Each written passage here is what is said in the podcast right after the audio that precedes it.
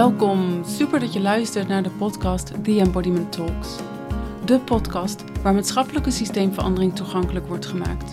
In een wereld met maatschappelijke onrust, politieke schandalen en een klimaatcrisis kunnen we niet anders dan ons continu afvragen hoe we ons hiertoe verhouden. Dit doen we niet alleen met ons hoofd, maar ons lijf reageert hier vaak sneller op dan ons hoofd het kan bevatten. Mijn naam is Marion van Opijnen. In deze podcast ontrafel ik hoe we als mens bedraad zijn en hoe meer lichaamsbewustzijn helpt om tot maatschappelijke verandering en onderwijsvernieuwing te komen die ons dient. Ik hoop dat jij met het luisteren van deze podcast kennis en ideeën opdoet en dat het je stimuleert om vanuit meer lichaamsbewustzijn jouw rol te pakken in deze verandering. Want concepten en ideeën zijn belangrijk om tot verandering te komen.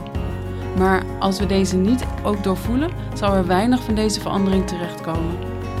Ik neem je mee op mijn eigen zoektocht en ik deel achtergrondinformatie, ga in gesprek met experts en reik je oefeningen aan. We denken, voelen en doen.